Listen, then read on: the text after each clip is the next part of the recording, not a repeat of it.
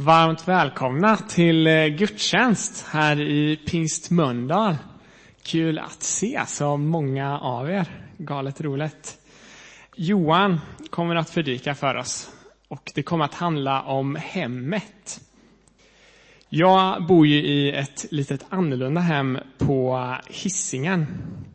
Eh, där med eh, fyra stycken som jag bor i ett kollektiv tillsammans med Eh, ett gäng bibelskoleelever som jag har gått bibelskola tillsammans med.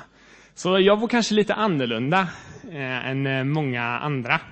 Och Jesus han besökte också väldigt många hem under sin tid som han vandrade på jorden. Och vi ska läsa om när han blir hembjuden till en som heter Marta. Och det läser vi i Lukas kapitel 10, vers 38. När Jesus och hans lärjungar fortsatte sin vandring kom de till en by där de blev inbjudna av en kvinna som hette Marta. Marta hade en syster som hette Maria som slog sig ner vid Herrens fötter och lyssnade till hans tal. Men Marta var stressad av allt hon hade att uträtta. Därför gick hon fram till Jesus och sa, Herre, bryr du dig inte om att min syster har lämnat mig att göra allt arbete själv? Säg till henne att hon kommer och hjälper mig. Men Herren sa till henne, Marta, Marta, du gör så mycket bekymmer och oroar dig så mycket. Men det finns bara en sak som behövs. Maria har valt det som är bäst och det ska inte tas ifrån henne. Ja, jag lever ju som sagt i ett litet annorlunda hem. Men eh, någonstans så tror jag att vi alla har det gemensamt de flesta av oss i alla fall, att hemmet är ändå den platsen som vi spenderar mest tid i. Men eh, Marta, hon hade ju mycket i sitt hem. Hon hade mycket att göra, eh, många saker. Och hon kanske missade det som hände i hennes hem just där och då. Maria satt ju och lyssnade till Jesus. Jesus han talade, Guds son var där. De var, han var hemma hos Marta. Eh, men Marta, hon höll på med allting där som hon behövde göra och eh, uträttade en massa olika saker. Hon hade mycket i sitt huvud. Och så kan jag uppleva att det är lätt ofta i ett hem ibland. Att man är där, men någonstans så, eh, så kanske man inte är där riktigt mentalt. Nu predikar jag verkligen till mig själv. Utan man har, liksom, man har mycket i sitt huvud. Man kanske är någon annanstans. Och det är lätt att man går förbi varandra. Man kanske missar kontakten med den man bor med. Men ett hem kan ju också vara en sån fantastisk möjlighet och plats att lära känna någon djupare på. Man kan få lära känna en familjemedlem djupare. Man kan bjuda med en vän hem. Ja, men dela, dela en gemenskap med den personen. Man kan ju verkligen få lära känna någon på djupet i ett hem. Alltså. Och bland de finaste stunderna i mitt hem det är nog de där kvällarna när alla har kommit hem ifrån det man har gjort under dagen. Alla är lite trötta, man sätter på en film. Och sen efter det så, ja men hur ska vi avsluta den här dagen? Ja men vi gör det med en bön. Och så får vi be tillsammans och så får vi bära varandra i bön. Eh, och bara lyfta vårt fokus, lyfta vår blick tillsammans mot Jesus. Det tycker jag är fantastiskt och en sån bra grej som man kan göra i sitt hem. Ah, lite blandade tankar om hem, helt enkelt. Nu ska vi också få sätta vårt fokus på Jesus. Vi ska sjunga Våra ögon har sett Herren tillsammans. Ja, vi hörde Albin säga att vårens tema är en samhällsengagerad kyrka. Vi säger i vårt visionsdokument vi vill vara kända för att ta ansvar för skapelsen och vårda den. Vi vill vara kända för att vara en stark social samhällsaktör i staden. Alltså, du förstår, jag har under den här våren gått omkring och går omkring med en dröm. Jag drömmer om att du och jag ska höja Jesus-temperaturen i den här staden vars namn och goda rykte försatte städer i rörelse och förvandlade människors liv. Det finns en anledning varför vi i sång efter sång sjunger om namnet Jesus. Därför att det finns inget annat namn som kan göra sådan skillnad som namnet Jesus. Och jag tänker så här, en sådan kyrka, en sådan samhällsengagerad kyrka som försätter Mölndals stad i rörelse och som förvandlar människors liv. Vem vill inte tillhöra en sådan kyrka? Men eftersom vårens tema kan verka liksom stort och brett så ska vi ju förstås börja i rätt ände. Dagens predikan handlar därför om våra hem, församlingens förlängda samhällsarm. Alltså det är en naturlig ände att börja i. För det är ju där vi tillbringar mestadelen av vår tid, eller hur? Och bibeltexten är hämtad ifrån Filemons brev, Paulus kortaste brev skrivet någon gång under hans fångenskap i Rom. Och vi läser i brevets inledning från Paulus, Kristi Jesu fånge och vår broder Timoteus till vår älskade vän och medarbetare Filemon, vår syster Apia och vår medkämpe Arkippus och församlingen i ditt hus. De verserna. I den romerska provinsen Frygien, numera känd som Turkiet, ett frodigt flodlandskap, låg staden Kolosse. Och i Kolosse där bodde, som vi läste, Filemon, hans fru Appia eller Apia och så sonen Arkippus som troligtvis var husförsamlingens pastor. Och Filemon som tycks ha varit mycket förmögen och ägde ett mycket stort hus med plats för många. Han hade kommit till tro under Paulus tid i Efesos och var en nära vän till Paulus. Och dagens predikan är något av ett hemma hos-reportage hos Filemon och församlingen i hans hus. Dagens predikan är också något av en visionspredikan. Uttrycket församlingen i ditt hus förekommer på flera ställen i Nya testamentet. Vi läser i Romarbrevets avslutande kapitel, Paulus han hälsar Priska och Aquilla, mina medarbetare i Kristus Jesus. Hälsa också församlingen i deras hus. Och i första Korinthierbrevets sista kapitel, bland förmaningar och hälsningar så läser vi församlingarna i Asien hälsa till er. Aquilla och församlingen i deras hus hälsar hjärtligt till er i Herren. Och i Kolosserbrevets sista kapitel så hälsar Paulus åter, hälsa till bröderna i Laodikeia och till Nymfas och församlingen som möts i hans hus. Och så lägger vi till Apostlagärningarnas andra kapitel, ett för oss pingstvänner älskat kapitel. Där läser vi, de som tog emot Petrus ord döp, möttes och antalet lärjungar ökade den dagen med omkring 3000 och varje dag deltog de troget och enigt tillsammans i templet. Det är ju det som för oss motsvarar dagens kyrkobyggnad. Och i hemmen bröt de bröd och delade måltid med varandra i jublande, uppriktig, innerlig glädje.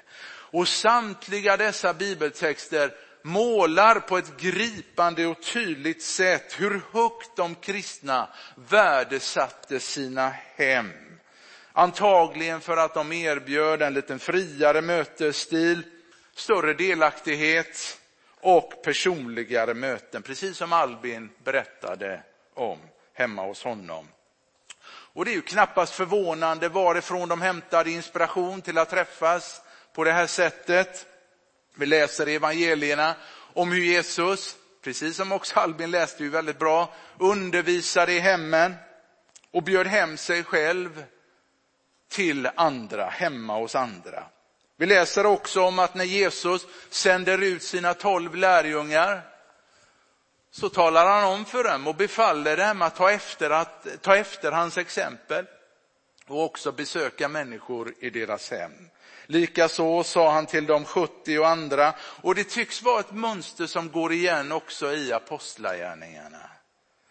Så såg livsmönstret ut under 300 år. Under kristendomens första 300 år, förmodligen församlingens mest expansiva tid någonsin, så fullkomligt kärleksbombade man romarriket med det kristna evangeliet utifrån öppna hjärtan och öppna hem. Det finns en undersökning nyligen som visar att kristendomen växer otroligt mycket också idag. Pingströrelsen är det samfund som växer mest av alla samfund.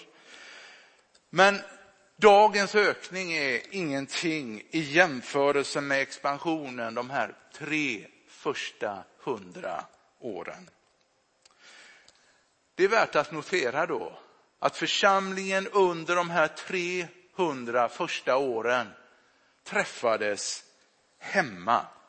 Man ägde ju inga kyrkobyggnader, utan man samlades enbart i hemmen. Och förklaringen till detta var mycket enkel. När man läste sin bibel så tolkade man ordet kyrka på grekiska eklesia, ek kaleo, som Herrens utkallade folk. Alltså det grekiska ordet syftade helt på människorna. Alltså för de första kristna var kyrkan uteslutande människorna, för några kyrkobyggnader som sagt hade man ju inte. Intressant att när reformatorn Martin Luther, även kallad tyska språkets fader, skulle översätta den grek, det grekiska nya testamentet till tyska, då kan man ju tro att Martin Luther skulle använda det tyska ordet Kirche när han översatte det grekiska ordet för kyrka.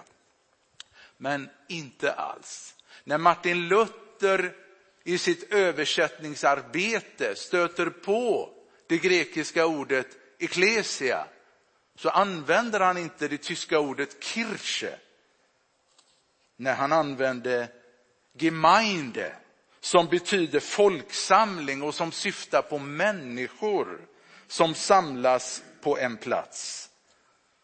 Men då blir ju följdfrågan varför vi idag förknippar ett ord som kyrka med en byggnad och inte med människor. Ja, du förstår, alltså nu blir det lite kyrkohistoria, men efter 300 år, då händer någonting. Kejsar Konstantin, kejsar Konstantin den store, blir på 300-talet, cirka 337, kristen. Han blir omvänd. Och då plötsligt förknippar man inte längre kyrkan med människor utan med en byggnad. För när kejsar Konstantin blev kristen, ja då bokstavligt talat döpte han det grekiskt-romerska avgudasystemet och liksom bytte ut avgudasystemet mot kristendomen. Han döpte avgudatemplen som då gick att använda till kyrkor. Han döpte prästerna och det intressanta är ju att Nya Testamentet nämner ju inte ens präster. Alltså, vi predikar det allmänna prästadömet, att vem som helst kan tala Guds ord. Så templets avgudapräster, ja de blir plötsligt kyrkans präster. Och avgudarna döps och blir plötsligt lika med helgonen som Petrus och jungfru Maria. Och från och med nu så använder man inte längre det grekiska ordet eklesia som syftade på folket, utan man använder istället det grekiska ordet kuriokas, Herrens hus.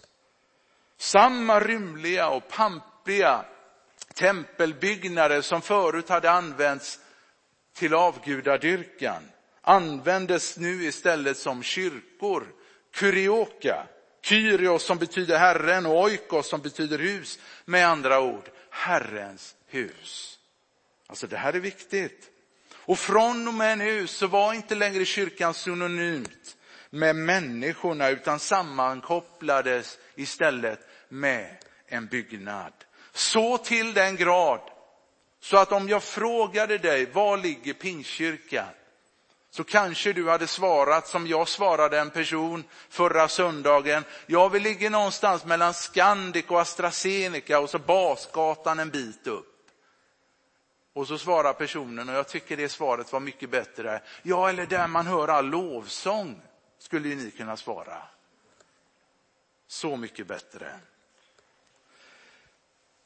Alltså enligt nya testamentet, det här är viktigt när du går in i bibelläsningen och läser om församlingen och när till och med Jesus säger jag ska bygga min kyrka så är det inte främst en byggnad han syftar på eller som du läser om.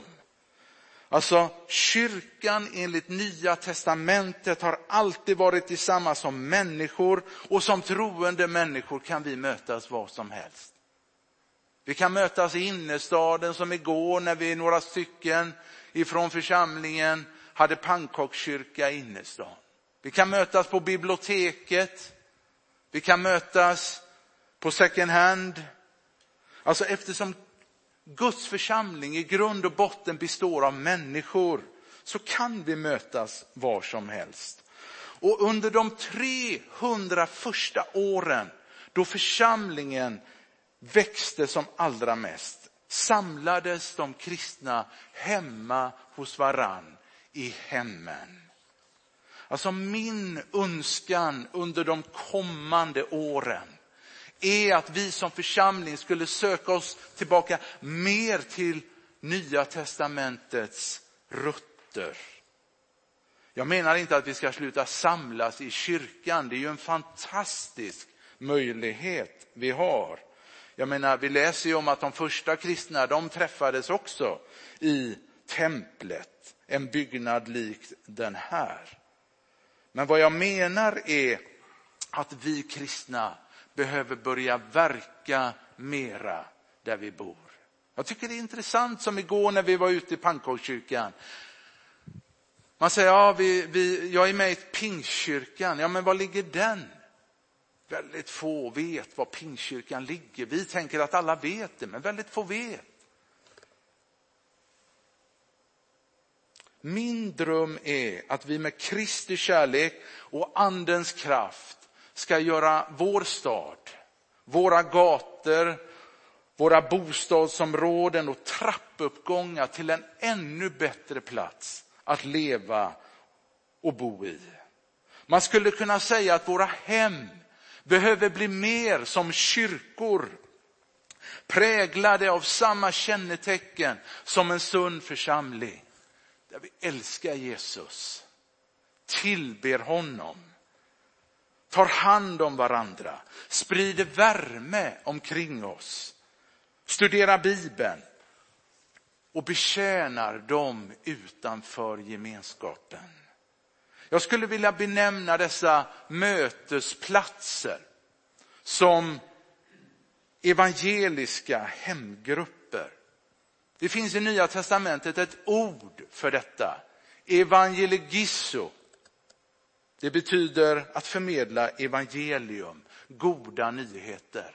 Och för dig som inte vet vad evangelium är, så är evangelium glada nyheter. Alltså vad Gud har gjort för att rädda oss ifrån synden och bevara oss och vägleda oss fram till Jesu återkomst. Alltså det är ju det vi väntar på. Vi sitter ju inte här och sitter av någon tid. Vi är ju här därför att vi vill tillbe honom som är sann och på riktig och som vi tänker oss en dag ska komma tillbaka. Det är därför vi är här i Herrens hus på Herrens dag för att tillbe Jesus Kristus. En evangelisk hemgrupp som jag drömmer om, det är en plats för delgivning. Där du och jag berättar om vad Gud har gjort i våra liv. Det är en plats för omsorg, gästfrihet, betjänande, bön vinna människor, träna lärjungar, en plats för gemenskap, bibelläsning, där man får upptäcka sina andliga gåvor. Vet du om att du är begåvad av Gud? Och det är också en plats där vi får praktisera dem samma. Låt mig säga kortfattat vad de här grupperna, evangeliska hemgrupperna, inte är och vad de är. Evangeliska hemgrupper är inga renodlade bibelstudium och bönegrupper, endast till för de troende själva. Nej, de är precis som det låter, evangeliska. En plats där människor får lära känna Jesus och där hans kärlek till oss och till människor yttrar sig på väldigt praktiskt sätt. Här delar man livet med varandra, sin tro, så att andra i närområdet blir nyfikna på denna Jesus. Alltså självklart så ryms ju också bibelstudiet och bönerna och gemenskapen. Men gruppens främsta syfte är att vinna människor. Här ges också möjlighet att lära känna den helige ande. Och som jag sa, att upptäcka sina andliga gåvor. Det är tragiskt.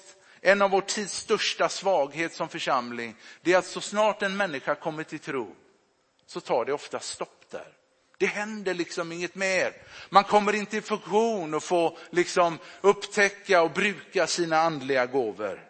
Det vill vi som ledarskap ändra på. Vi vill se varje nyomvänd i tron på Jesus Kristus som ett nyfött barn i armarna på en förälder. Jag menar, tänk själv, hur mycket tid, hur mycket omsorg behöver inte ett nyfött barn? Vi vill se omvändelsen som bara början.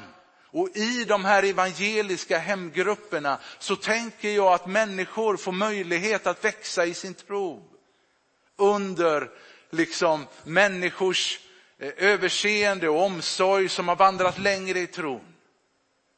Jag var på Bibelskola Väst för några dagar sedan och så sa jag, och jag pratade om ledarskap, och så sa jag verkligen att ta med en sak. Se både det här med mentorskap men också hembesök som en viktig del i en ledares uppgift.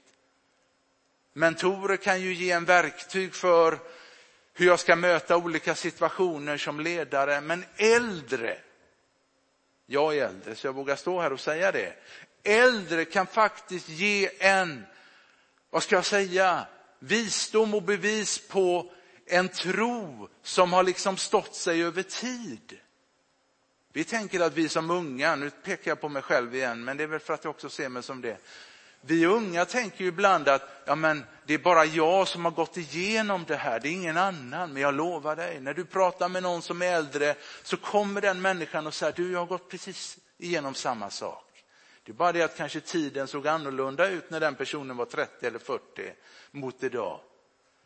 Men en tro som har åldrats och stått sig genom tid, det är också viktigt. Och i sådana här evangeliska hemgrupper så tänker jag att jag som nyomvänd kan ha en stor glädje och fördel av att möta äldre personer som kan hjälpa mig att åldras i tron.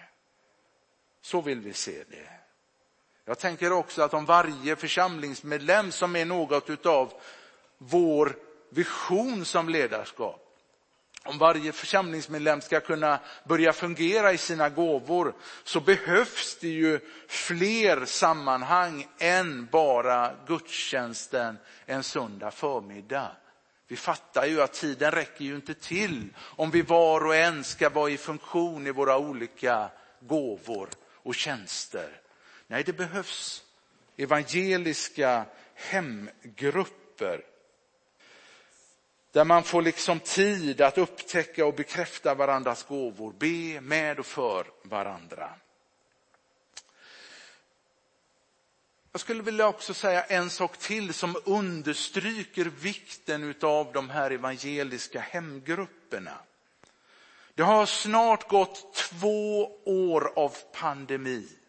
Och under de här två åren, jag tror du håller med mig om det, så har vi ju liksom sett och saknat många utav församlingens medlemmar. Trots att vi i perioder har kunnat öppna upp vår kyrka för offentliga sammankomster så har vi liksom inte sett människor strömma hit som vi hade önskat och vi har saknat människor. Vi har liksom undrat hur är det med dem, hur mår de? Med fler evangeliska hemgrupper utspridda runt om i stan så skulle vi få bättre inblick i hur församlingens medlemmar mår och få vetskap om varandras behov. Alltså vi som ledarskap, vi drömmer också om fler geografiska hemgrupper så att vi på något sätt också kan gestalta det vi vill vara, en kyrka för staden. Alltså tänk om vi som kyrka blev kända i stan för att vara en plats där människor blev sedda. Förstod att man var älskad i Guds ögon och fann sin plats i Guds rike. Vilken underbar vision. Finns så många människor där ute som undrar, vem är jag? Vad är meningen med livet? Vad är min uppgift? Men tänk att man i församlingen skulle kunna få upptäcka detta. Wow, vem skulle inte vilja tillhöra en sån församling? Jag nämnde också att det finns en fördel med dessa evangeliska hemgrupper ur ett själavinnande perspektiv. Ingen känner sina grannar bättre än vad du gör. Och du själv vet ju bäst när du har tid att spendera tid tillsammans med dem. En av Anna-Marias grannar går numera alfakurs just på grund utav detta. Hon har ägnat tid med sin granne, vilket har väckt intresset för kristen tro. Jag vet hemgrupper där småbarnsföräldrar hänger liksom i lekparkerna för att bygga relationer till andra småbarnsföräldrar. För man är ju ändå där. Väldigt smart. För oss har området städdagar hemma varit bra tillfällen. Ja, det är ju egentligen bara fantasin som sätter gränser. Alltså jag tror inte vi förstår hur mycket våra hem kan få betyda för människor.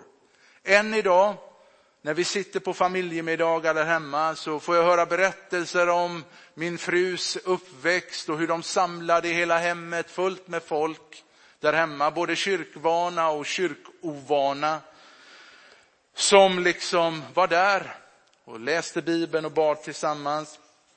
Och än idag kan personer komma, komma fram till min fru Sofia och liksom säga hur mycket de här kvällarna eller samlingarna där hemma har fått betyda för dem. I en sådan evangelisk hemgrupp kan man lära varandra hur man delar tron med andra och tar emot Jesus som sin frälsare och vän. Låt mig bara säga det, för det här är viktigt. Alltså att dela sin tro med någon annan, det kräver ju ingen teologisk utbildning. Alltså jag själv blev ju inte frälst som teolog, utan som tonåring. Jag var 15 år när jag tog emot Jesus och jag var inte någon teolog. Vad visste jag om teologi som 15-åring? Ingenting. Nej, jag, jag tog emot Jesus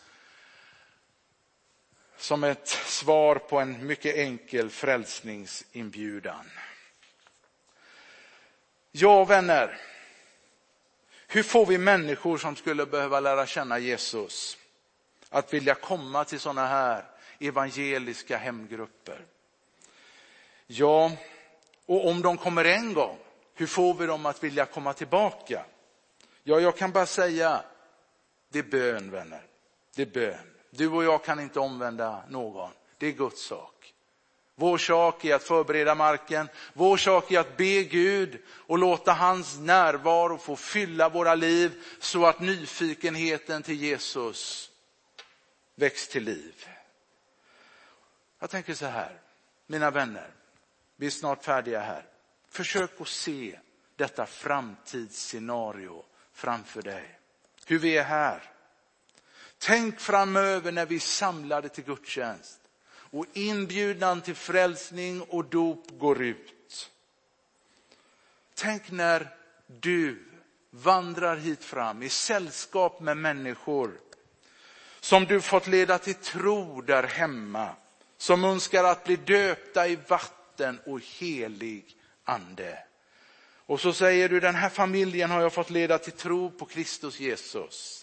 Hela deras hem är nu ett troende hem. Och så får vi i gudstjänsten fira, för det är ju också det vi gör, vi firar ju gudstjänst, eller hur?